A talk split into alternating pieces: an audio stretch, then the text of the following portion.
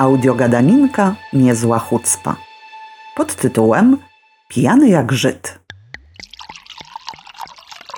Pijany jak Żyd? Tak, ale tylko w Purim.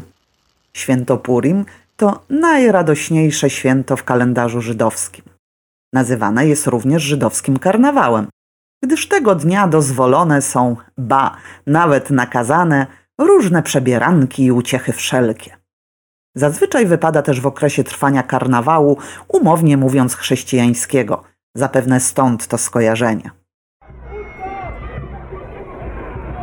W tym roku Purim wypada 25 lutego i tradycyjnie, jak wszystkie święta żydowskie, zacznie się po zachodzie słońca i potrwa do zachodu słońca dnia następnego.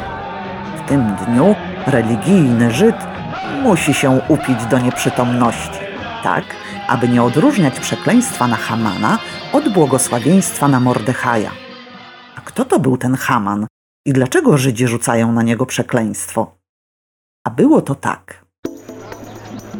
Wszystko działo się w V wieku przed naszą erą, kiedy pewien perski dostojnik, Haman, zagniewany na Żyda Mordechaja, który nie oddał mu należnego pokłonu, postanowił zgładzić wszystkich Żydów mieszkających w Persji. Datę zagłady wybrał ciągnąc los. Po hebrajsku Pur. Stąd właśnie nazwa święta Purim, czyli losy. Nikczemne plany Hamana udaromniła piękna Estera, córka Mordechaja, która wyjednała u króla Persji zmianę tej tragicznej decyzji.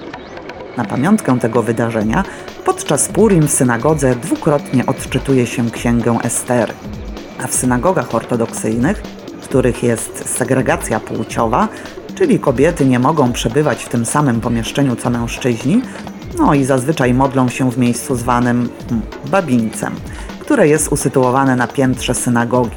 No otóż w tym dniu, wiekopomnym dniu Purim, kobiety schodzą z babińca, aby wspólnie z mężczyznami wysłuchać tekstu z księgi Estery. A kiedy pada imię Hamana, wierni zagłuszają je tupaniem, kołataniem w kołatki, gwizdami i okrzykami.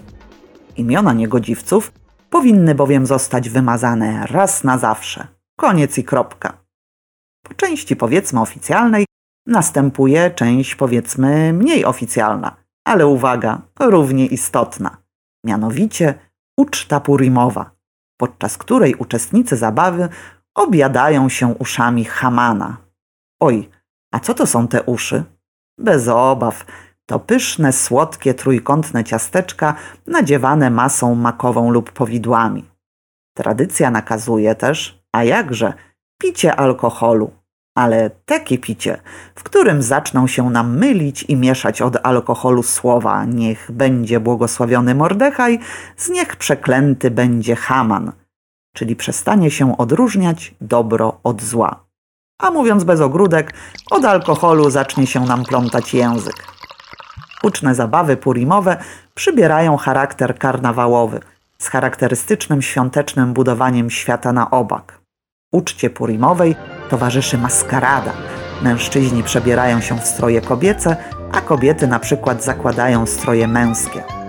Uczniowie szkół religijnych piszą rozprawy w absurdalny sposób tłumaczące zasady wiary, a także krytykujące wykładowców i uwaga, rabinów.